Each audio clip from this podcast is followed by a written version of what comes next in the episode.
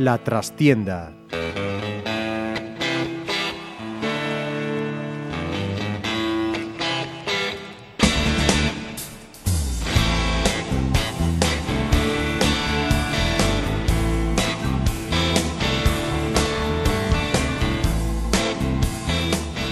Saludos amigos, os habla Ramiro Espiño en nombre de todo el equipo. Comenzamos una nueva edición en La Trastienda, en Pontevedra Viva Radio.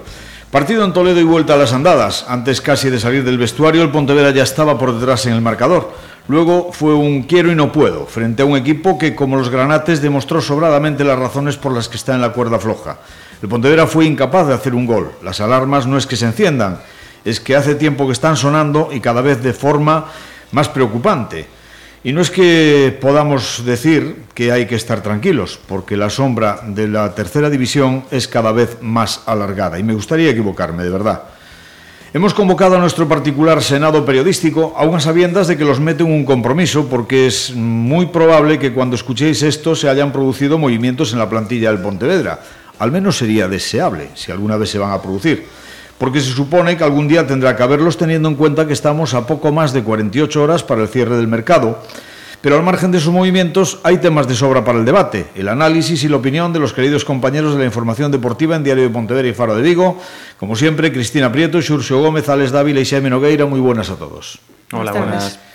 Pues partido de Toledo, con las bajas de Kevin Presa, Adrián León y Berrocal. Bajas importantes, evidentemente, pero había mucho en juego y se perdió.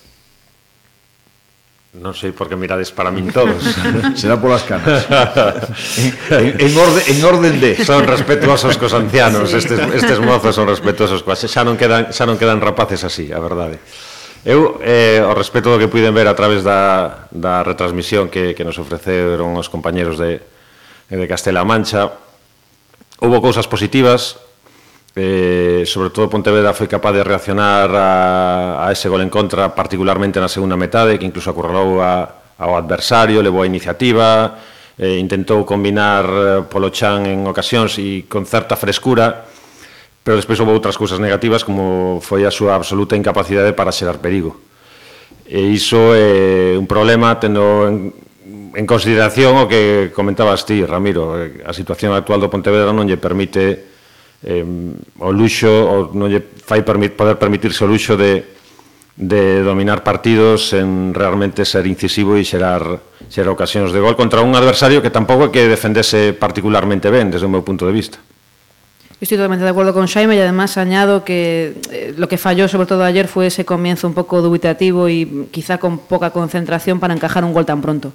Y además el tema defensivo en el Pontevedra sigue siendo un poquito peligroso. Seguimos haciendo un poco de aguas en, en defensa en algunos momentos.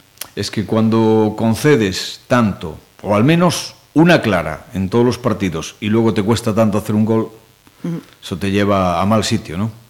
Son, son sensaciones, porque eh, Luis me insistió mucho en la rueda de prensa en esa palabra, buenas sensaciones, buen juego, pero son sensaciones sin resultado y ahora mismo casi es lo, más, lo, lo primordial por, por, delante del juego. Que el equipo yo creo que está mejor, sí, está mejor. Yo acabo el partido siendo un poquito optimista y pensando que con un central de jerarquía, como se supone que están buscando, y que solucione los desajustes defensivos y las faltas de concentración... Hablaron de dos. Sí, o sea, pero que, a ver si ahora viene la tía Paca ya con las rebajas. Ya va a ser uno, obviamente, porque ya no estamos hay de rebajas, efectivamente. y si, con ese central de jerarquía y un delantero que las meta, que ya estoy pidiendo mucho, porque y más en el mercado de invierno, pero con eso yo creo que el equipo se salva. Pero hay que tenerlo.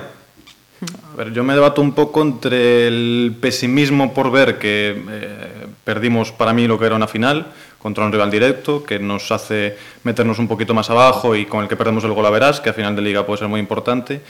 Y, luego el optimismo de ver que para mí el equipo hizo casi el mejor partido que le, recuerdo, eh, que le recuerdo esta temporada fuera de casa. Es cierto que el rival también está como está, pero bueno, es un Toledo con buenos jugadores, que tenía mejor un poco eh, el, cambio de entrenador ese que le podía incentivar, que siempre sabemos que te puede eh, hacer mejorar un poco el rendimiento.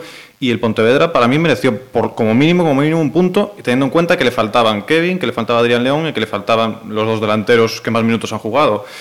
Eh, entonces es verdad que eh, faltó gol y que no podemos salir como salimos al partido porque otra vez nos penaliza esa falta de concentración en los minutos iniciales que ya nos pasó contra el Rápido de Bouzas, pero a mí el Pontevedra Claro, es que me gustó, me gustó, no voy a decir que no porque sí que me gustó, lo que pasa es que, eh, como bien decís todos, eh, a día de hoy vale máis sumar que, que, que gustar. A, a colación diso, a min preocúpame, e estou de acordo con Alex no que apunta, preocúpame que esta mellora no xogo sexa transitoria e que ao final os resultados eh, che acaben sumindo nunha depresión como sucedeu, eh, se todos lembrades, cando Pontevedra... As tres victorias. Eh, eh saiu, ver, saiu non só das tres victorias, senón a raíz da dimisión de Luisito, uh -huh. parece que hai un, brote, un novo brote verde. Xoga Pontevedra contra Naval Carnero, realiza un magnífico partido, probablemente un dos millóns da temporada, merece golear, e o partido se resolve cun empate a un. E despois xa sucede o de Guijuelo, que xa é o, o, o golpe definitivo, o golpe de gracia eh, do ano pasado e xa leva o equipo á depresión máis absoluta. Entón ese é o meu temor, que eh, xerando unha mellora evidente nos dos últimos partidos en aspectos do, do xogo, iso non se traduce en resultados, non se traduce nunha mellora clasificatoria e o equipo volva a ese estado de presión, de, de, de dúbidas, de, de inconsistencia, e, e, e claro, agora sen marxe de tempo para, para unha posterior reacción. Agora mesmo si sí, hai tempo para unha reacción, non hai que tampouco Obviamente non estamos nunha situación idílica, ni muitísimo menos, pero quero dicir, non hai que dramatizar desde o punto de vista de que eh, aínda hai unha certa marxe de tempo para a reacción, pero claro, se isto se prolonga no tempo xa non a vai a ver. Yo lo que no vi esta vez fue desesperación Esos patadones, eso de como sea, eso no lo vi. Vi cierta tranquilidad. Creo que Luis me ha recuperado el centro del campo del Pontevedra, que esa temporada no se veía. Yo creo que Mourinho debe estar encantado este año. Eh, este año, sí, este 2018, debe estar encantado porque, porque está entrando mucho más en juego. Creo que, que bueno, Prosi acaba de entrar ahora y no estuvo muy bien en, en Toledo, pero bueno, creo que es un jugador que puede ser recuperable por el sistema, porque al final si está viendo que jugadores de sus características van a tener peso y van a tener manejo, pues es fácil que, que, que vuelva a recuperarse y que no desconecte como pasaba con, con, la primera vuelta, que los balones volaban por encima de su cabeza y él decía que, que no iba con la historia. Entonces, por ahí se puede, se puede empezar a construir y, y ver lo que, lo que viene después. Y es que es unha peza que para min é moi importante, que probablemente fose infrautilizada na primeira volta, que Alex Fernández, que é un xogador que se lembrades hai dous anos parecíanos a todos un medio centro dunha xerarquía tremenda en Segunda División B e que foi unha das claves daquel Pontevedra e que nesta temporada, pois por unhas circunstancias ou outras, por gustos do estador, que ao final os estadores coñecen mellor que a ninguén os seus plantéis, seguramente, pois non estaba entrando tanto en xogo e eu creo que últimamente estaba facendo e dunha maneira moi máis que correcta. Pero siempre ha jugado bien. Siempre sí. que ha jugado con Luisito, con Luis, con que sea, siempre ha jugado bien y siempre ha sido de los 3, 4 mejores del, del, de los 11 que estaban en el campo. Pero el fútbol se, se decide en las áreas al final, es donde falla el Pontevedra, tanto en defensa como en ataque, es donde está fallando, es donde se está perdiendo los puntos realmente al final. Y donde, hombre, yo decís, y porque al fin y al cabo nos pagan creo que a todos por, por opinar, ¿no? Y, y si hay que dar nombres, pues se dan, evidentemente. Tú, Alex, decías eh, a Prosi, yo francamente, yo en el partido de Toledo y no tengo absolutamente nada a título personal contra ningún jugador, ¿eh? ni contra Prosi ni contra nadie. Pero la actitud con la que salió Prosi a mí me pareció absolutamente lamentable. Así como Iván Martín, por ejemplo, que es un delantero que no es lo que necesita el Pontevedra, porque Pontevedra necesita gol, pero por lo menos trabajó, se enfadó incluso con los del Toledo cuando veía que perdían tiempo, o sea, demostró coraje, demostró, o sea, resistencia a la adversidad, ¿no? Es decir, no me resigno, no me resigno a perder, quiero ir a por más. Pero, hombre, pero, pero si ayer salió a pasearse y no le, no le volaban los balones por encima de la cabeza. Por eso digo que me parece recuperable, porque tiene que volver a... Ya, pero el problema es que no tenemos tiempo yep. para recuperar a nadie. Tenemos que empezar a sumar puntos y a, y a aportar absolutamente todos los jugadores, digo yo. A ver, es verdad que por la tele es muy difícil, o mucho más difícil por lo menos, de valorar la actitud de un jugador y, y la actuación completa de un jugador, ¿no? Porque el plano está más cerrado, tú no ves, eh, digamos, a los 22 jugadores sobre el campo moverse pero sí que es verdad que pero sí, ayer salió y no estuvo bien, es evidente, ¿no? Eh, tanto en el, eh, porque se precipitó muchísimas veces, cuando lo que pedía el partido y, y su entrada demandaba era eh, precisamente poner calma y poner jerarquía, que es lo que lo tiene. Eh, pero bueno, yo también creo como Alex, creo que ese estilo de jugador que con Luisito no terminó de funcionar, porque a lo mejor es de otro tipo de características, ahora sí puede ser recuperable. Hay que entender que Prosi viene de estar tres semanas parado y, yo pues confío en que sea uno de los hombres importantes y pueda dar ahí ese centro del campo más eh, diversidad que, que, puede ser positiva. Yo no, no me pareció, es verdad que Prosi no hizo un buen partido, pero no me pareció un desastre, como tampoco iba Martín, que, que puede ser otra pieza que mmm, hasta ahora infra, infrautilizada. Y a mí, hombre, pues determinadas actuaciones de él no me han gustado muchas veces, sobre todo por, por las sensaciones de apatía que transmitía y tal, pero ayer se fajó como el que más y, y hombre, no, no, es un delantero que te vaya a anotar eh, 15 goles, pero sí que puede ser un muy buen complemento que hasta ahora ha estado infrautilizado. Uh -huh. Pero es que a lo mejor ahí falta alguien precisamente que tenga gol. Y si no lo hay en el mercado, yo sigo preguntándome. En casa lo tenemos. Se llama Fernando Lezcano y no ha tenido una puñetera oportunidad nada más que en Copa Federación. Curiosamente, cada vez que ha salido en Copa Federación, las ha enchufado. Cierto. Entonces, ¿qué pasa? Digo yo, no sé. Una oportunidad por lo menos. No, no, hace falta más, por lo menos que le den unos minutillos en algún partido. Y si puede ser en casa para que el chaval esté cómodo, pues quizá también mejor. ¿no? En casa donde sea, porque Pero en Toledo sí. precisamente el último cambio que se hace para dar entrada a Prosi, pues a lo mejor lo que necesitábamos no era Prosi. Lo que necesitábamos precisamente Exacto. era alguien que, que, pudiese hacer un gol, porque ya veíamos que no le hacíamos un gol ni al arco iris. No, y aparte se está viendo que, que tanto Berrocal como Echaniz pues, no, no, han sido solución ni han, ni han aportado demasiados, o sea, demasiados goles, han aportado muy pocos goles en, en, ataque, que es lo que se necesita de un delantero al final. Bueno, esa es otra, lo de Chaniz, o sea, tampoco tienes delantero, se supone que le están buscando la salida, pero dejarlo en casa cuando nos jugamos lo que nos jugamos, a mí me suena a intentar presionarle por temas económicos mm. o por lo que sea para forzarle a perder la baja y que se vaya. Sí. Pero es que nos estamos jugando demasiado como para andar con caralladas, con perdón. Todo eso, a xestión de todo o mercado de inverno está sendo un pouco extraña. Eu quero entender que están apuntando alto e están tendo moitas dificultades para pechar os eh, os futbolistas que, que desexan as súas primeiras opcións ou primeiras ou segundas opcións pero de todas maneiras é todo un pouco eh, oscuro, un pouco opaco, non? Non se sabe moi ben, hai indicios, decenas de indicios que apuntan a diferentes futbolistas que poden estar na rampa de saída pero por outra parte non hai ningún tipo de confirmación oficial a través do club, nin, nin sequera confirmación aos propios implicados, entón iso xenera moitas dúbidas e creo que non é un caldo cultivo adecuado para un plantel, e menos mal que estamos diante dunha serie de futbolistas que eu creo que na súa maioría son xente bastante sana e honrada e honesta e se están comportando dunha maneira bastante correcta e profesional, non, non están a transmitindo mensaxes eh, o entorno, nin sequera están dando esa impresión de, de, de eh, estar a disgusto ou de estar inquietos ou de realmente provocar inestabilidade interna que noutras circunstancias, en outros anos, ti coñecelo mellor que a ninguén, Ramiro, que levas xa tes ocupelado, como se di vulgarmente disto, hubo circunstancias moito, moito máis convulsas a raíz de situacións como esta. Neste caso non está sendo así, pero desde logo, en algún, en algún caso concreto como o de Chaniz, sí que podría serlo Pero es que, vamos a ver, es que alguén olvida que el que salga también tienes que darle un tiempo para que busque acomodo, ¿eh? O sea, y, y repito, estamos a 48 horas vista. En el mes de noviembre se hablaba de que se estaba sondeando el mercado y buscando refuerzos. ¿Qué narices se ha hecho en dos meses?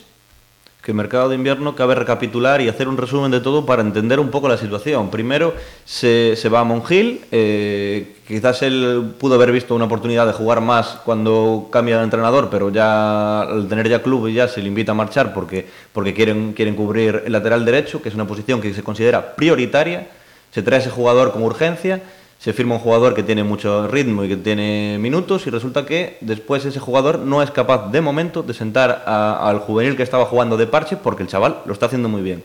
Con lo cual lo están poniendo las segundas partes en una posición en la que él en la presentación ya dijo que no era la suya. Que, que podría jugar allí, pero no es la suya. Y estamos jugando así. Después se le da la baja a Bruno, bueno, o se traspasa, no sabemos si a cambio de un dinero o no, porque tampoco se, se especificó. Bruno se va con las bajas, con las lesiones que ya se sabía que había y, dejando a un central solo en la plantilla que es Goldar. Bruno se va, ayer no jugó, o no jugó con el, con el Mirandés y se trae a Pipe con urgencia, que tampoco entra en la convocatoria. Coño, ¿no se podría esperar tres días más por un jugador que en Miranda no jugó? Por si acaso, corres, una un riesgo de que se puede lesionar y que luego el traspaso se trunque. Pero es que en este momento los 30.000 o 40.000 o, o no sé cuánto dinero se pudo haber pagado por, Bruno que puedan entrar igual no son prioritarios. Y, el, y Bruno podía haber ayudado. Que cuidado, se trae a Pibe como segundo refuerzo. Ojo, lleva dos partidos jugados en el Corucho de titular, ¿eh? O sea, se trae a un suplente del Corucho, rival directo, pensando que esa es la solución. Me da que alguien sigue haciendo mal las cosas. A ver, mm, yo el fichaje de pibe a mí no me disgusta, no me disgusta por varias cosas. Para empezar, porque es evidente que no podemos traer a cuatro solución. jugadores senior Pero como solución. como complemento a lo que hay en bandas. Es verdad que estamos cojos en bandas y más con, con la lesión de Añón. Ya solo teníamos tres extremos, porque para mí ni Jorge Hernández ni Mourinho pueden jugar en banda. O, o pueden, pero no van a rendir ahí eh, en su plenitud. Eh, entonces no me parece mal fichaje porque es un sub-23, es de la casa, como quien dice. A mí es un jugador que lo poco que le vi sí que me gustó. Es evidente que no va a ser un jugador diferencial, pero sí que creo que puede ayudar. Ahora hay otras cosas que mm, a mí me chirrían más. Uno es un poco la opacidad esa. Yo no puedo defender el traspaso de Bruno, para empezar porque no sé cuánto se ha cobrado. Entonces a lo mejor me dices, oye, pues hemos ganado 50.000 euros. Pues bienvenidos sean y había que hacerlo ya y, y está bien. Pero como no sé si ha sido traspaso... ojalá, pero lo dudo. Como no sé si ha sido traspaso, cesión...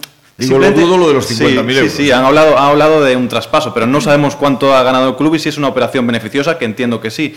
Entonces yo creo que lo que urgía en ese momento era eh, el partido de Toledo. Y el partido de Toledo para mí es una temeridad, y lo sigo pensando así, ir con un central del primer equipo solo, aunque después David Castro haya jugado muy bien.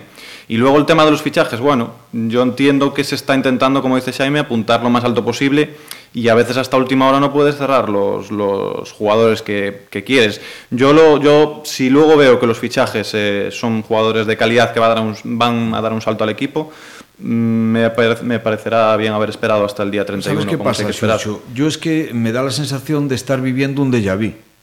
Es decir, eso sucedió en el mes de junio, julio, cuando cada fichaje que venía realmente no ilusionaba en cuanto a por su trayectoria me refiero, ¿eh? Porque digo lo de pibe, estoy contigo, me puede parecer un buen fichaje en su momento a lo mejor y como complemento, como solución ya lo discuto. Y ahora estamos en lo mismo, a ver si repito, a 48 horas vista, lo que viene nos soluciona los problemas. Hombre, yo creo que más bien, primero trae lo que nos solucione los problemas y luego complementa alrededor. Yo, por lo menos, es lo que haría y lo que aconseja desde luego la experiencia de lo razonable en el fútbol. ¿no? A ver, yo creo que, por ejemplo, el caso de Pibe en concreto, ¿no? No puedes cargarle a ese chaval la responsabilidad de ser la solución en una situación tan complicada, porque es que aparte es muy joven. A mí no me parece mal fichaje, pero no es la solución. Ahora mismo no me parece prioritario, vamos a decirlo así, ¿no? Y después está el tema de, de- yo, yo personalmente creo que necesitamos un delantero urgentemente y creo que se está buscando a lo mejor en segunda B, por eso de que tenga cartel de segunda B, y a lo mejor en tercera división hay jugadores delanteros eh, increíbles que se matarían por venir. Y no lo sé, creo que no se está buscando, o sí, no sé, eh, no lo sé, pero en tercera división se puede pescar jugadores muy buenos y me da la sensación de que a lo mejor están buscando más un segunda B, que es más complicado que llegue. Hombre, el Rápido de Bouzas acaba de traer a un delantero que era el máximo goleador del grupo vasco de tercera. Por ejemplo, por ejemplo. Y cuando estuvimos hace poco en el Baltasar Pujales, la verdad es que nos armó la picha un lío. Sí, casi jugó muy bien y a mí es un delantero que lo, lo que le vi que no conocía de nada me gustó mucho, pero claro, eh, yo me pongo en una situación, eh, esperamos hasta los últimos, ya no pongamos estos tres días, esperamos hasta la última semana y resulta que al final traen a dos jugadores de tercera división, la que se iba a armar a nivel del entorno, y no digo por la prensa, sino porque los aficionados ahora mismo están en un estado de combustión comprensible y elevado, entiendo, iba a ser gorda, ¿eh? Y esos jugadores ya, ya iban a venir con una presión tremenda. O Yo- sea, tú dices que vas a fichar para mejorar y traes a dos jugadores que los tienes muy vistos en tercera, que sabes que pueden aportar muchísimo y que pueden ser incluso diferenciales, pero vienen de, vienen de tercera división y ojo porque la presión con la que iban a llegar y las dudas ya iba a ser tremenda. Pero si Yo no hubieras traído el acuerdo, ¿eh? primero de diciembre, a lo mejor sería diferente. Puede ser, pero yo no estoy muy de acuerdo con Tenemos con un eso. precedente en Pontevedra de muchos goles en tercera, que es Mateo Ferrer, y salió de aquí como salió. Entonces, si ahora mismo traemos un delantero de 15 goles en el grupo mallorquín, la gente va a pensar en Mateo. O mismamente Javi Pazos, que está metiendo goles los que quiere y más. Traes a Javi Pazos y a mí que me parecería un buen fichaje para tener en la plantilla, obviamente, es un jugador que me gusta, y de la casa, eh, me chirriaría un poco porque yo espero un saltito de calidad Pero a más, ver, ¿no? Vamos a mirar a Galicia. Uxiu no está jugando mucho un, pero, en eh, Fabric. Pensadlo, y de Rivera formas, máximo valor de tercera. Pero pensad lo que ha pasado en, en, verano. Se ha traído a Chanis, a Berrocal. No han funcionado tampoco. ¿Por qué no probar con un chico de aquí, incluso gallegos, bueno, no estamos para probas. No estamos para probas, claro, exacto. Non estamos para probas. Exacto. O que, aquí o que hai que facer é ter ben sondeado o mercado, ter ben traballado o mercado, coñecer os futbolistas que realmente che fan falta, coñecer os futbolistas cos que estás negociando e despois acertar eh, podes facer un moi bo traballo, un excelente traballo, é dicir, ti podes facer o seguimento dun futbolista que leva metendo 15 goles todas as temporadas e despois que chegue aquí e non funcione. E van, vanse che botar en riba, é certo, pero ti moralmente terás feito ben pero, o teu labor. Pero non ha sido o caso. Bueno, para mí, Ben, Echaniz, para mí el sí. caso ha sido el Con contrario, para mí. Echaniz sí. Claro. Eh, o problema o problema aquí é así, o, o sorprendente El asunto problema de aquí es que has traído jugadores con una trayectoria de dos Claro. goles en 29 partidos y de 5 en 34. Hombre. O sea, a ver, o, creo Bueno, que y Echaniz con 15 goles en el Guernica, de segunda vez, que es un poco el perfil que estamos hablando que, que sería bueno. Y al final no resultó. Por pero yo a priori me parecía un muy buen fichaje. Y por eso es el señalado y por eso es el que le está abriendo la puerta. Porque es el jugador del que se esperaban 15 goles y no los lleva. Pero ¿y cómo jugaba el Guernica y cómo se supone que quieres que juegue el Pontevedra? Bueno, quizás Porque como jugábamos en la primera vuelta era como jugaba el Guernica. Ahora no. Sin centros de la banda, ¿eh? Yeah. Ao final Guernica es no sé. balones colgados, pero es los laterales. Ao final se vos fixades eh, todo se reduce É certo que aquí hai unha teoría, eh, en base a esa teoría que un pouco era o que dicía eu, creo, non, que facer o teu traballo desde o maior rigor posible, non? E iso que un individualmente ten que levarse en conciencia a cama. Pero despois vai ser a eh, resposta de todo o entorno. No? E a resposta do entorno só responde a un factor, que son os resultados. É dicir, ti podes fichar o peor dianteiro da historia do Pontevedra, que como che marque seis goles, un cocú, outro coa espinilla, outro coa caluga, e tres máis non se sabe como, dous en fora de xogo e, de e demais, e un de penalti, e vas gañar partidos gracias a eses goles, ao final ese tío vai ser Dios. E pode ser malísimo, pode ser ata eu, que non imaginades o malo que son. Pero ao final o público vai estar contigo. E podes fichar o xogador máis contrastado da categoría, facerche polas circunstancias que sexa unha moi mala segunda volta, xerarche moitísimas ocasións, ser un ben semana a primeira volta, para entendernos, un tío que xenere moitísimas ocasións no principio da temporada, que fallaba, quedábase solo do porteiro catro veces por partido e as tiraba todas fora e facía un traballo sen balón maravilloso. Agora xa non, eh, eu nos últimos os partidos anteriores non, pero sí que tivera un inicio de temporada, desde o meu punto de vista, miraba os resúmenes estes de Estudio Estado e todos estes programas e, e días, bueno, en semana non eh, sei por que critiquen tanto, porque falla, porque todo o que xenera este home é unha barbaridade. Claro, Eh, e o que quero dicir é iso, pode ser un dianteiro maravilloso, fallar e despois todo o mundo botarse en riba. Entón, aquí o ideal é facer o traballo sobre o libro e despois que, que resulte, obviamente. E iso que necesita Pontevedra, que resulte, porque agora mesmo que desde logo estou convencido que non fai falta son probas. O sea, facer a, eh, traer a xogadores para ver se funciona. Agora non vale un para ver se funciona. Non estamos nunha situación, nunhas circunstancias de, de eh, arriscar para intentar buscar solucións. O que hai que buscar as solucións correctas ou intentar ter os maiores argumentos posibles para que iso funcione. E despois, se as circunstancias por malas por, detalles non, non son as beneficiosas ou as favorables ao Pontevedra, pois mala sorte. Y lo que no vale en ningún caso son las urgencias, porque recordemos que hace dos años, a última hora, estamos ahora también como, como estamos ahora, un delantero, un delantero, un delantero, y vino Hugo Rodríguez, que no era delantero, era extremo. Si al final por las prisas acabamos trayendo cualquier cosa, porque hay que fichar un delantero, hace falta al- alguien con gol, y traemos un perfil de futbolista que no es ahora mismo lo que se adapta a lo que pide el equipo, pues estamos como estamos, y las bajas hay que darlas también. Casi, ahora mismo casi más prioritario dar las bajas que reforzar, porque sin, lo primero no pasa lo segundo.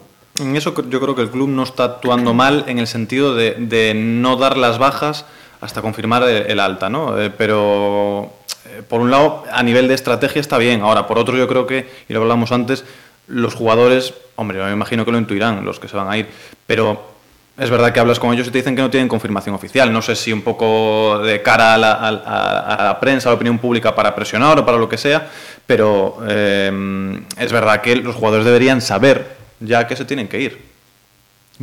Yo, insisto, vuelta a la burra al trigo por mi parte, ¿no?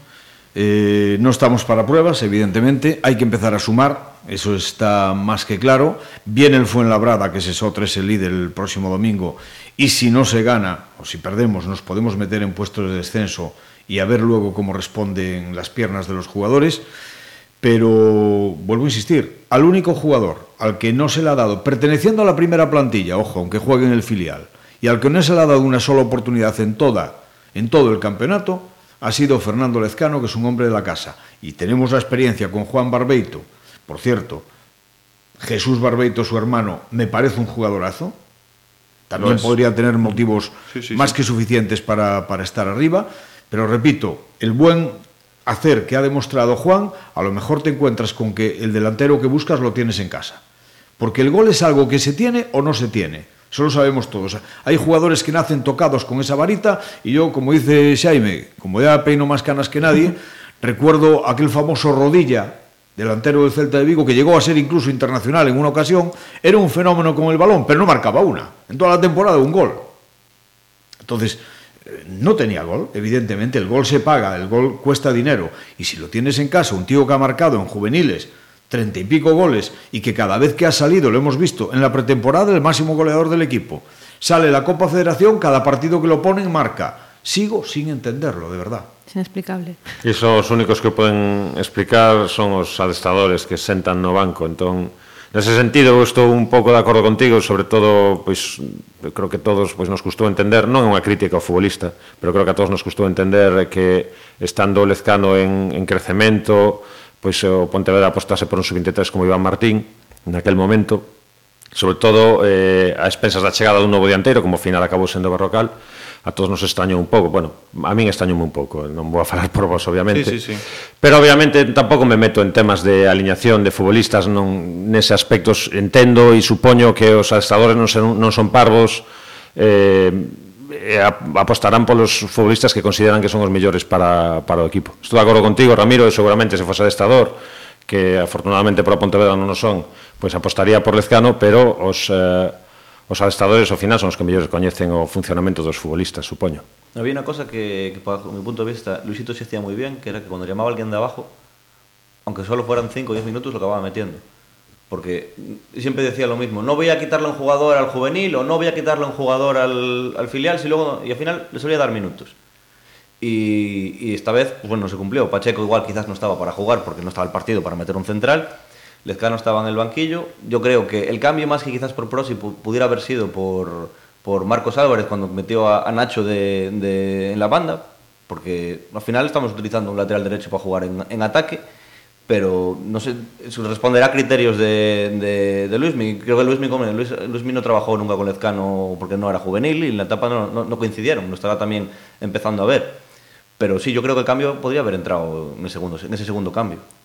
Sí, se veía, obviamente. Yo incluso diría más, eh, ya cuando ves que el partido no va, a lo mejor eh, en vez de introducir a Prosi, pues quitar a Juan, eh, que, estaba, que hizo un partido otra vez correcto, pasar a Nacho al a lateral derecho y, y, poner a Lezcano arriba, ¿no? Con Iván Martín. Podría ser, hombre, yo esperaba que lo hiciese.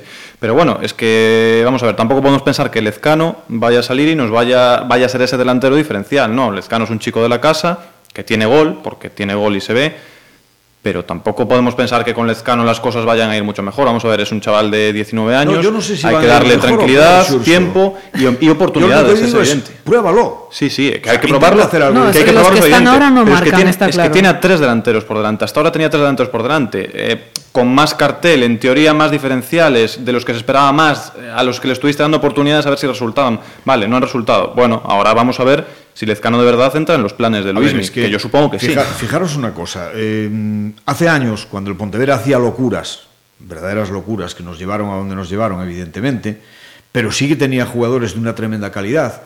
Aquí se cuestionaba muchísimo pues que no se le hubiera dado en su momento, cabezonería de Argibay, el, la opción a Fran Rico. Pero claro, había que mirar en aquel entonces, no el Fran Rico que llegó a donde llegó, ¿quién tenía por delante Fran Rico? ¿O quién tenía por delante un delantero de los juveniles o del filial cuando tenías una delantera formada por Charles, Yuri e Igor? Entonces, eso eran palabras mayores. Evidentemente estaba bastante más complicado darle entrada a alguien de la cantera, ¿no? Porque tenía que tener una calidad brutal. Pero no es el caso. Es que ahora mismo tenemos tres delanteros, o teníamos, entre Berrocal, Iván Martín y, y Echaniz, ¿cuántos goles han sumado? Seis. En todo lo que llevamos de liga. Seis goles. Y uno de penalti. Seis goles y uno de penalti. El Estrella creo que 7, ¿no? El, el, el, y oportunidades han tenido ¿Sabes? muchas ya. O sea, ¿Eh? por darle una, una oportunidad Entonces, al chico no, no, pasa no nada, si yo defiendo ¿no? que tenga que tener oportunidades, sé, que no se me malinterprete. Y, no, y no, sí, sí, sí. Yo, yo creo, que, ¿eh? yo creo que entendemos, eu creo que entendemos a tua mensaxe, Xurxo. Creo que a realidade é esa. É obvio que seguramente Lezcano sexa acreedor de tantas oportunidades como, como os demais compañeiros, non polo feito de ser un rapaz ou ser daqui vai, vai ter eh, menos dereito que os demais, pero por outra parte é obvio que o Pontevedra necesita algo de maior xerarquía. Seguramente Lezcano pode aportar cousas, pero Lezcano non vai ser o futbolista que vaya que salve al equipo, que vaya a conseguir o obxectivo, é dicir, eh, pois pues, sí. Yo no estoy de acuerdo en eso, ¿ves? Yo creo que eu, puede ser, eu no, no lo sabemos. No. Eu sinceramente creo que no, no y me parece, pareceríame muy vil por la nosa parte parece, no, cargar pero esa no. Sabemos. Me parece que vamos a estar todos de acuerdo. Si Juan Barbeito llega a haber salido antes de iniciar las negociaciones con Nacho, posiblemente hoy nos hubiera fichado Nacho. Seguramente. Claro.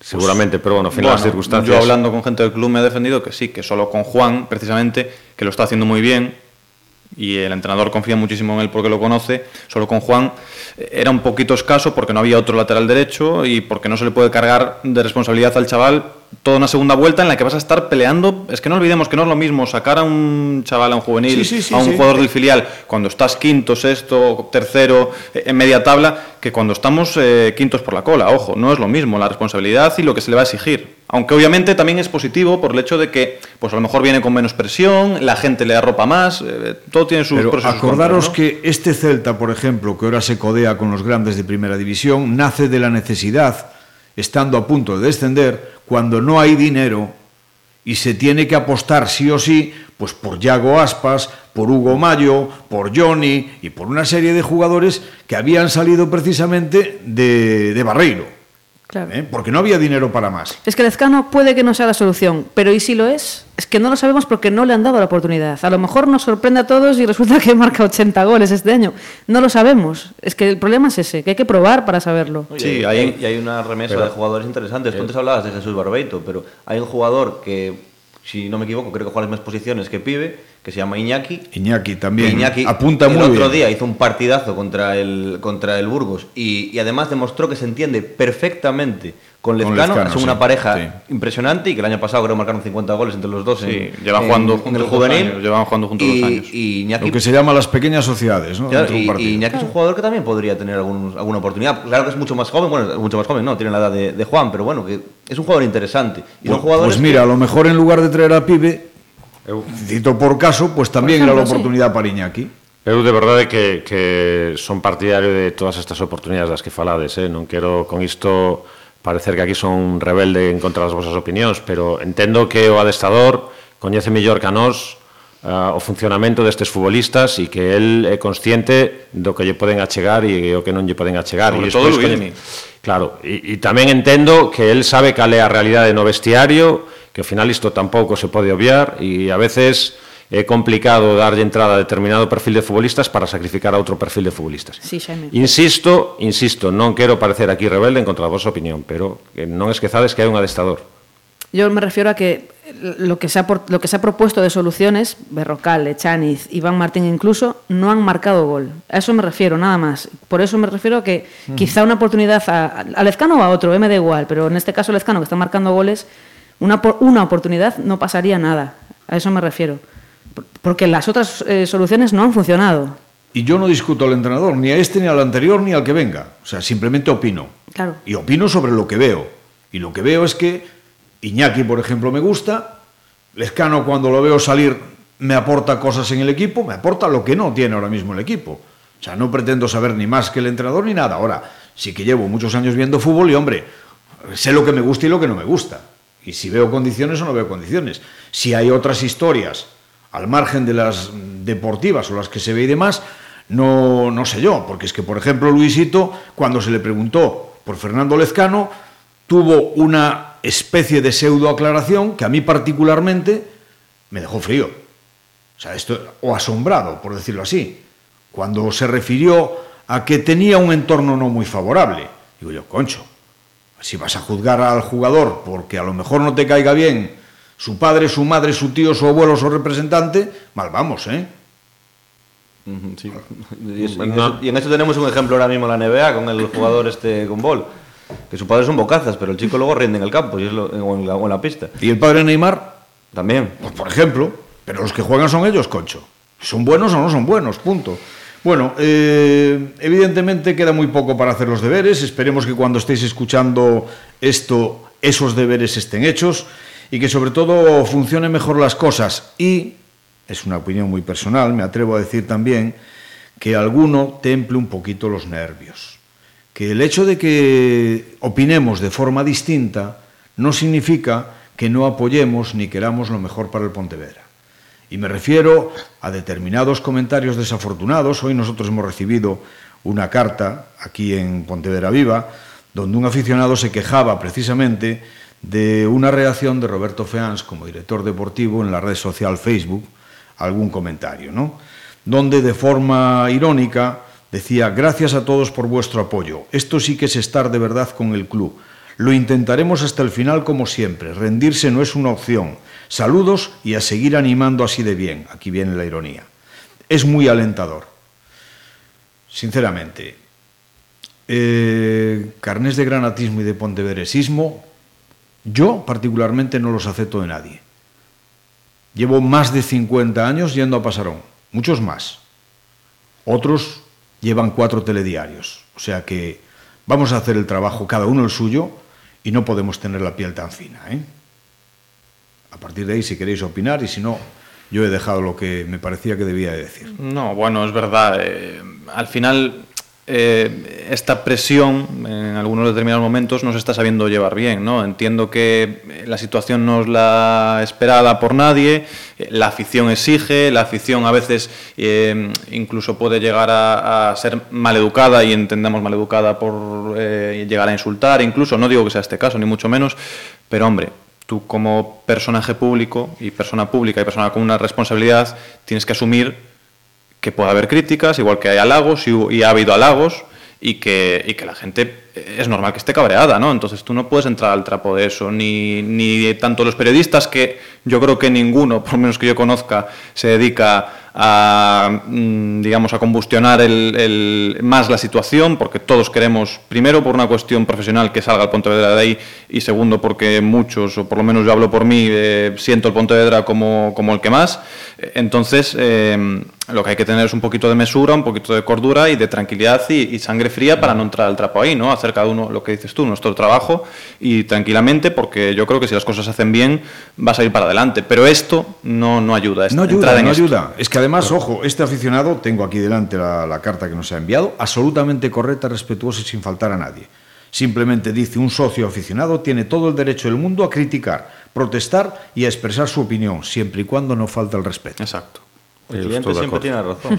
A ver, eh, e un pouco a colación do que comentaba Xurxo, e parece mentira que Roberto Feas, que foi futbolista do Pontevedra máis dunha temporada, ademais, e que non coñeza como, como cale o funcionamento e o pensamento e, o, e a idiosincrasia da afección do Pontevedra, que creo que todos coñecemos, e que agora, eh, curiosamente, está bastante máis tranquila do que chegou a estar noutras épocas, eh, ten que ser perfectamente Xaime, consciente de que iso é parte do decorado. Perdona, Xaime, un inciso. Asombrosamente tranquila. Sí. Porque algúns que non coñecen precisamente sí, a historia sí. do Pontevedra non saben o que isto sería noutras etapas. Seguro, seguro. E non tan lonxanas. Desde eh? logo, desde logo, non. Eh, eu quero dicir, eh, as persoas, os cargos públicos, as persoas, bueno, todas as persoas que de alguma maneira estamos expostas ao público e traballamos, temos que saber que, que iso forma parte do decorado e estar por riba diso e facer o noso traballo en conciencia e xa está, facelo o mellor posible en conciencia e despois irnos a cama tranquilos a dormir. Que despois hai xente que nos entra na cabina e nos insulta e nos falta o respeto. A non pasa nada. A non, tamén. Non, coño, e tanto que, no, que nos pregunten a nos este ano. E nos ni facemos os fichaxes, nada, ni somos nada. responsables sin entrenamos o club ni nada. Y eso estamos expuestos, es lo que dices. Claro, estamos expuestos y, y, si tú haces bien tu trabajo no te tiene que me, parecer mal, mientras haya respeto. Mientras no, no nos amenacen, Exacto. ni nos intenten pegar, ni nos insulten, ni nos falten o respeto. Que a veces tamén o fixeron. Que algunha vez, que máis dunha vez, máis dunha vez o teñen feito. Eh, pois, mentras nos critiquen educadamente e con corrección, está no seu perfecto dereito. É parte da nosa profesión, da de Roberto Feans, da de Lupe Murillo, da de Luismi, da de Xurxo Gómez, a de Cristina Prieto, a de Alex Dávila, Ramiro Espiño e, por suposto, de Xaime Nogueira, que son eu. No, pero a ver, parece non... que por criticar quieres que las cosas vayan mal, y es no, todo no, lo contrario, ¿no? no? Entonces parece que tienen esa sensación de si criticas es porque quieres que esto vaya mal, no. Todo lo contrario, si criticas es porque te duele que vaya la cosa mal y, y quieres que se solucione. A mí me preocuparía que el Pontevedra despertase indiferencia. Exacto. Porque eso significaría que estaría muerto. O sea, prefiero que me critiquen, que me pongan a parir, antes que pasen de mí. O sea, y eso este, es que deberíamos de entenderlo todos. Y además es que ya personas, también como Roberto Feals, al igual que nosotros, llevamos un montón de años en el fútbol, tenemos que saber que no se vive del recuerdo. que no opta para que durante tres años hayas hecho un buen trabajo en los fichajes, en la planificación deportiva, en la base, en todo lo que quieras, pero es que el fútbol no tiene memoria. El fútbol cada año tienes que renovar lo que has hecho bien, regular o mal. O sea, volvemos al Real Madrid, salvando las distancias. Zidane ha ganado tres Champions en, en, en cuatro años, o dos Champions en, en, los últimos dos años, y ahora mismo me da la impresión de que más de la mitad de la afición del Madrid quiere echarlo, incluido el presidente. Roberto Feans tiene que estar por encima de todo eso. Roberto Feans y el club, ojo, porque el comentario que, que él dice en, Facebook tiene un me gusta y es del club. Uh -huh. O sea que lo, lo avala, o, lo, o, al menos lo, lo, apoya en el comentario que ha dicho. Que, que no lo dijo de, la menor, de, las mejores formas es evidente. Al final lo que, le estén, lo que están dando a pedir de una manera inadecuada es que tiene que haber un poco de unión porque es lo que se necesita para sacar todo adelante, que la afición vuelva a animar y porque en las, en las duras también hay que estar, no, eh, no, solamente las maduras y no llenar el estadio cuando el equipo está a punto de meterse en playoff. La afición es la primera que no se ha rendido nunca. Mejor dicho, es la única que no se ha rendido nunca, incluso cuando este club estuvo varias veces, por desgracia, en su historia más reciente, al borde de la desaparición. Pero quizás el director deportivo no lo ve así y por eso está pidiendo un apoyo de, de, esta manera. Y al final el, el, aficionado lo único que está pidiendo es que haga su trabajo. Que yo no digo que no lo esté haciendo, pero por lo menos todavía no lo terminó, porque a tres, a tres días de que cierre el mercado de fichajes todavía quedan dos fichajes por hacer. Bueno, eh, vamos terminando. Aunque sea muy brevemente, vuestra opinión, aunque ya nos queda algo lejos, pero no habíais estado aquí. Hace 15 días sí hablábamos de la Junta General de Accionistas que se celebraba precisamente en ese momento. Eh, quería conocer un poco lo que os parece todo lo que, lo que vivimos ahí en esa junta. Bueno, yo puedo hablar de, más que de, oí, de oídas y de, y de, lecturas, ¿no? No estuve allí, sí que hablé con varios compañeros que estuvieron, entonces creo que puedo tener una opinión en base a lo que me contaron. Eh, para empezar, hablando, siguiendo ya con el tema de Roberto Feans, porque enlaza un poco. Creo que ahí estuvo muy bien. Creo que ahí eh, el club estuvo muy bien, primero aceptando preguntas deportivas, porque eh, por suerte, por desgracia, es la única forma de que los aficionados a lo mejor pregunten directamente y puedan enterarse de cosas que ellos eh, consideran importantes directamente. Y estuvo muy bien aceptándolas y respondiéndolas, asumiendo que este año no ha salido bien, perfecto. Y luego, por otro lado, los números económicos, eh, según lo que, lo que sale publicado, son incuestionables, absolutamente incuestionables y, y, y para aplaudir. Uh -huh. y, y, luego el tema Argibay, para mí puede tener una razón, pero es muy censurable las formas, eh, el fondo, eh, el momento y absolutamente todo. Un miembro del Consejo opina en el Consejo. Exacto. No y si en, no te vas. No en el púlpito. Y si no, exactamente. Dimites y luego dices lo que quieres. Ahí estamos, creo que absolutamente de acuerdo. Pero precisamente, eh, Xurxo, tú hacías hincapié en algo. Por eso me, me llama mucho más la atención este nerviosismo que de repente se ha instalado. Porque FEANS estuvo magistral claro. en la Junta de Accionistas, aguantando el chaparrón, dando explicaciones y ofreciéndose incluso como cabeza de turco. Entonces, hombre, no, no, no pierdas lo. No hagas como la gallina, no, no destroces con el pico lo que construyes con las patas. Sí, sí, mm. a verdade que estivo realmente estivo tobreiro, como, como dicís, mm. os que vos gusta eh, sí. esa disciplina, non? Eh, na, na xunta de accionistas, con suma educación, respondeu a todo e ademais asumiu responsabilidades, eh, sí, eh, sí. eh fixo autocrítica. De feito, nomeou a, eh, dixo a palabra prohibida, fracaso, sí. Uh -huh. que non a di ninguén e el dixo, sí, foi un fracaso. Non tivo temor a facer iso, desde ese punto de vista estivo intachable. Tampouco respondeu, de feito, eu creo que nin lle deixaron responder porque el pretendía facelo a a censura que realizou o seu compañeiro de, de uh -huh. Consello de Administración que desde o meu punto de vista non foi só inapropiada por por, por lo que apuntades vos, que tamén, senón que ademais me parece absolutamente vantaxista, dun compañeiro que tivo tres anos para criticar o mesmo que criticou eh, nesta xunta de accionistas, pero como resulta que daquela os resultados avalaban o Consello de Administración, o e que, estaba, e que estaba nombrado como componente da Comisión Deportiva e foise. Exactamente. Demitiu da Comisión Deportiva porque ao parecer non lle facían caso. Non, non sei se lle facían caso ou non lle facían caso. En calquera caso, eh, na primeira temporada puido facelo porque o procedimento de traballo de Roberto Feans é o mesmo agora que era daquela, pero claro, Pontevedra ascendeu, non sucede nada. A segunda temporada, Pontevedra camiño de playoff, que ao final non o consegue e queda nunha novena posición, máis ou menos o que se lle exixía, tampouco di nada. A temporada pasada, playoff, tampouco di nada. E de repente, nesta temporada, como as cousas van mal, realmente o que queda mal nesa situación é el mesmo. Eu creo que se autosinala a sí mismo como a persoa cunha falta de elegancia que xa coñecemos todos, porque isto non é algo de, de hoxe, isto é algo de, de hai tempo, que xa facía na época de José Aurelio Gai, cando o equipo perdía aqueles partidos tan raros de, de José Aurelio Gai, no que non se defendía, no que había aquel desconcierto, aquela desorden absoluta de Calahorra e todas estas historias, esas míticas frases de tenían que volver andando desde Calahorra, se me pasa a mí, despois resulta que o seu equipo lle remontaron un 0-2 en Gijón e non pasou nada, non volveron andando. Entón, eh, desde ese punto de vista, pois a verdade é que eu creo que se autosinala a sí mesmo como unha persoa cunha elegancia escasa. Seguramente na hora de vestir é moi elegante, pero non na maneira de comportarse. E despois hai outro detalle da xunta de accionistas que me gustaría apuntar e que me sorprendeu e que foi a, a falta de determinación que demostraron nun punto do día que para min era bastante importante, que era a reelección ou non reelección do conselleiro Luis Durán, o grupo, por chamalo así, opositor, no? o grupo de accionistas mayoritarios que non apoian a Lupe Murillo, e francamente sorprendeme porque non se posicionaron, ni sequera posicionaron unha candidatura os, alternativa. Os puxe de mon, como lle chamei eu. Sí. correcto, correcto. Pois pues sí, os, os irmáns Gamal sorprendeume porque ademais eh, pois pues, censuraron outros aspectos que me parece que está no seu dereito e, e o Consello está no seu dereito de defenderse porque cree que non levan razón, é dicir, eles poden opinar e a inversa podenlle responder e quedou así como tema do, da auditoría, etcétera, etcétera, non?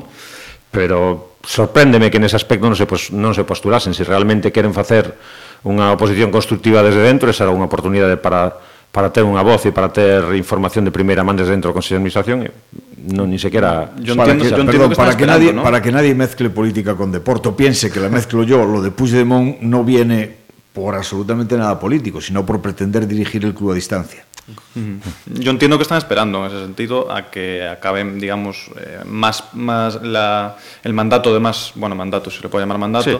eh, de más puestos de consejeros. Entiendo que va un poco por ahí, no, no lo sé tampoco. Hombre, pero a ver, si hace un año se habían postulado solicitando sí, sí. cuatro plazas en el Consejo, se le dijo que no, creo que con razón, porque estaban con el mandato, como tú dices, en vigor.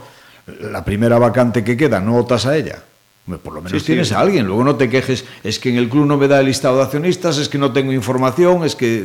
No, igual quieren entrar varios a la vez, lo que dice Surso, y, y están cambiando de estrategia. De todas formas, yo estoy de acuerdo con Simon en todo lo que ha dicho, y aparte creo que el no querer ese puesto es quizá porque les apetece más, a lo mejor, generar un poco de mal ambiente o algo así desde, desde fuera, más que estar dentro y hacer una oposición constructiva, porque es que si no, yo no me lo explico. Lo que se vio es que estaba en un intento de desestabilizar todo porque sí, protestando cosas que no que, que quizás no parecían más mi, minucias y luego cuando pudieron tener la opción de entrar no lo pidieron. La, la única explicación que se me ocurre es que ellos empezaron la, la Junta diciendo que le iban a impugnar porque no le habían pasado el libro de, de accionistas.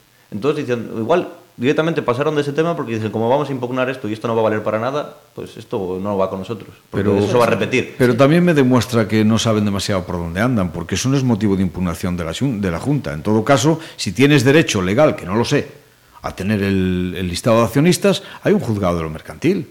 No es la Junta General de Accionistas donde tienes que pedirlo. Sí, pero ¿cómo quedaría bueno. eso luego? Si quieres entrar en el club, tú imagínate, o imaginaos que, que, que, tú dentro de dos años aspiras a entrar en el club e incluso a dirigirlo porque tienes más paquete de acciones o por lo que seas. Eh, claro, vas a ir con la mochila de haber denunciado al club. Entonces, en un momento además complicado. No, denuncias al consejo, no al club. Sí, pero bueno. No facilitártelo. Mm, lo que se generaría es una situación de, de, estos tíos intentan desestabilizar y no quieren el Pontevedra. Y yo creo que eso es lo que no quieren, precisamente. Pero creo que esa, esa sensación ya se en generó, algún ¿no? sector, Sí. en algún sector sí, tienen esa impresión Es de que evidente. Germán Hombre, a Sabal ver, o- eh, yo no- yo- aquí a, a- a- con ese afán. Yo que no- non, no digo eu, eh, digo que nun sector da, da sociedade de Pontevedra, Sí, sí, esa sí. sociedade de Granate, sí que existe esa impresión. Y Mira, vosotros yo- estabais, estabais ahí, yo no estaba, yo estaba, en, yo estaba de viaje, pero creo recordar, según me han comentado, que en la última rueda de prensa del Pontevedra, después de un partido de, en casa, han aparecido un grupo de encapuchados con, con Sí, una pancarta. me- media docena. Media docena, pero no sé si estarán también detrás eh, cierto, ciertas personas que los están moviendo para que hagan ruido. No lo sé, pero en cualquier caso, yo un poco lo he comentado ya eh, hace una semana aquí y digo que quien se oculta detrás de un pasamontañas no merece ni un segundo de mi tiempo. Cuando una semana antes había habido una junta de accionistas para expresarse libremente. Pero yo no, lo, yo no lo veo como algo espontáneo. Yo creo que hay alguien que moviliza a ese, gru- a ese, a ese grupo de Que personas maneja. jóvenes, jóvenes influenciables para que vayan allí a hacer una cosa para dar la cara por los que no quieren ir y encima de los niños, como son niños, pues van encapuchados. Pero bueno, volviendo un poco a lo que decíamos, también lo comentaba, ¿no? Del tema de las manifestaciones del representante de los Aval, que está en su perfecto derecho, pero que dice que vota en contra de las cuentas porque presenta unas cuentas desestructuradas. Eh, yo sigo sin saber lo que supone eso de cuentas desestructuradas. Repito, hay un plan general contable, otra cosa es que imputes a una cuenta una partida que no corresponde, en cuyo caso, si sabes que algo está mal, tu obligación también como accionista, no denunciar al Pontevedra, sino defendiendo al Pontevedra, es poner de manifiesto eso donde corresponda. Y donde corresponde, repito, es en el registro mercantil. No te hacen caso en la Junta General de Accionistas. Pues yo denuncio porque esto está mal hecho e incumple la ley. Y defiendo al Pontevedra y defiendo mis acciones. Porque si no, lo demás son brindis al sol que, que no acabamos de entender nadie. Yo por lo menos no lo entiendo, ¿eh? E para iso necesitan información, é dicir, para ti tomar un, unha decisión dese calado da que ti eh, falas, Ramiro, de acudir ao, ao, ao mercantil, precisas precisamente información que che confirme que hai algún tipo de irregularidade. Por lo demais, estructurado ou desestructurado, eu levo xa 15 anos asistindo a, a e ti debes de levar como 30 ou 40 anos, Ramiro, asistindo a, a asambleas ou xunta de accionistas agora, eh, francamente, ao final as contas, os que realmente saben da regularidade das contas son os propios implicados. Eu confío Eh, Razón de máis para tener un representante do Consejo. Obviamente, eu confío nas persoas que están actualmente, non teño ningún tipo de de dato que me leva a pensar que están facendo as cousas mal, de feito, eh, excepto o caso puntual de Milo Avelleira, polo demais non hai ningún tipo de, de denuncia de queixa, de denuncia en tribunais ou pública con respecto á falta de cumplimento de pagos, co que, o que quere dicir que entendo que se está cumplindo a raxatabla co plan da débeda e que se está rebaixando como se está levando a cabo, pero tamén digo que quería o mesmo de Nino Mirón e de aqueles polvos estes lodos. Hombre, quizá lo más positivo fue el hecho anunciado de que se estaba a punto de terminar con la deuda a la seguridad social, o sea, a las entidades públicas, ¿no? a Hacienda y a la seguridad social, porque eso supone evidentemente una tranquilidad importante para el club. Sí, sí, sí. Eh, eso es fundamental para el futuro a corto plazo, ¿no? Porque dejas de tener ahí una carga muy importante, luego la otra es más a largo plazo, la puedes gestionar mejor. Vamos, eso tengo entendido yo. Eh, y luego hablando un poco en, relación a lo que decía Shaimes, eso, eh, ni denuncias por parte de, ningún, de ninguna empresa a la que le debes dinero, ni tampoco por parte de futbolistas, ¿no? Los futbolistas están cobrando al día, se está pagando lo que se está pagando, pero se está pagando, y, para mí eso es lo importante, ¿no? Eh, desde el club se habla de una política de contención de gastos y creo que todos lo aplaudimos. Entonces, en ese aspecto, no hay ningún síntoma que invite a pensar que, se está mintiendo, ni mucho menos, más bien al contrario. Yo, evidentemente, por ir cerrando ya, eh, repito lo que ya he dicho hace siete días en la entrevista que le hice a Lupe Murillo, ¿no? Y la actuación de esa oposición, pues ¿Qué quieres que te diga? Lo, tengo que decir como lo pienso. Me deja bastante que desear. Una, porque si quieren atraer a más accionistas hacia su causa, lo primero que tienen que hacer es dejar que se conozca y cuáles son sus intenciones para con este club, para que los demás puedan votar por ellos, ¿no? Dos, su oposición al tema de la auditoría me parece ridícula, sobre todo cuando, y esto lo sabemos creo que más de uno por fuentes directas, a lo mejor esa oposición no es tan clara como ellos pretenden hacer ver, sino que está motivada en un deseo de, como no me has vendido tus acciones, ahora voy a ver si te busco las cosquillas. Y tres, a lo mejor el listado de accionistas lo que tiene es también una intención de tener datos de quienes poseen acciones, porque también sabemos que esos movimientos han estado haciendo, y por varias partes, es decir, puedo ir tocando para seguir incrementando mi masa accionarial.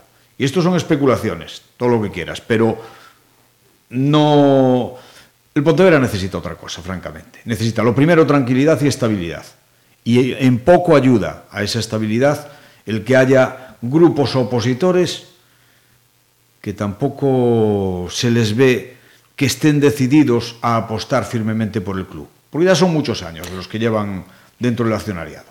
Dos tres puntos que fala Ramiro, segundo e terceiro é opinión e puramente especulativo, eu estou bastante aproximado, pero primeiro é un dato palmario, dicir, eh, aquí o problema que teñen o Sabal de cara á sociedade de Granate é que ninguén sabe exactamente cal é o seu plan porque realmente públicamente non fixeron ningún tipo de eh, aparición. Eh, simplemente a eh, na temporada pasada, na xunta da temporada pasada, pois fora do Vigo Diario de Pontevedra sacamos unhas palabras un pouco máis extensas, un pouco máis breves, pero tampouco demasiado Nada. longas Nada como para saber realmente no, no. cal é o seu plan de batalla Entón, en base a iso, non dan a cara, non fan unha roda de prensa, non nos explican que é o que queren facer, non nos explican en que, en que se basea a súa crítica ao actual Consello de Administración, porque non o sabemos. Podemos intuílo por algunhas aparicións, polas dúas aparicións que tiveron na Xunta, pero tampouco o, o expresan claramente, non? Entón, en base a iso, eh, como eh, imos, eh, ou como a sociedade de Granate, eh, vai ter unha boa consideración deles son todo dúbidas. Eh, realmente a impresión que queda e a que apuntas ti, que dá unha sensación de, de, de alguma maneira, de desestabilizar, de crear un ambiente turbio que agora mesmo, francamente, pois é o que menos falta lle fai ao, ao club Granate. Cuando su paquete accionarial está compuesto, entre otros, por aquel del que era poseedor, el innombrable, ¿qué quieres que te diga? Lo vamos a dejar ahí. Compañeros, muchísimas gracias y que esto mejore, porque aunque se crean los que se molestan por las críticas, que no nos duele el Pontevedra, creo que a todos nos duele. Y yo siempre digo, siempre digo una cosa, si somos periodistas que cubrimos la información del Pontevedra, prefiero ser un periodista de segunda B que un periodista de tercera, aunque me haya salido un pareado, ¿no? Y a todos los que nos escucháis os dejamos con nuestra habitual despedida musical. No descubro nada si digo que en este programa somos muy fans de Bruce Sprinting. ¿Verdad que sí, Chris? Por eso no nos resistimos a seguir escuchando a The Boss con su Street Band y en los conciertos de su, su, en los conciertos que suele dar sus fans suelen pedirle la interpretación de temas míticos, con lo cual, pues Bruce simulando afinación previa, cosa que no creo que le haga falta, ni él ni por supuesto a los que le acompañan, terminan arrancando y bordando esta magnífica versión del maravilloso tema, que además viene muy a propósito con lo que hoy hablamos, ¿no? Un tema de Chuck Berry a, comienzos de los años 60, escrito por él. Nunca se sabe. También se llama de otra manera, Se la vi. Esto es You Never Can Tell, Se la vi. Pues eso. Como siempre, que lo disfrutéis. Hasta la próxima semana y muchas gracias por escucharnos.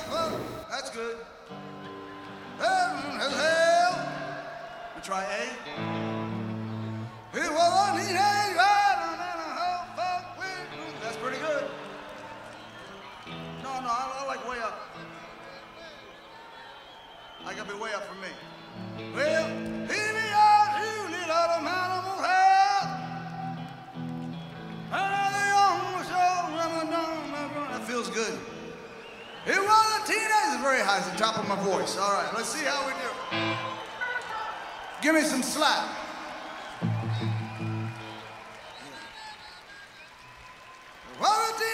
Maybe I'm a little overambitious. Give me a cable.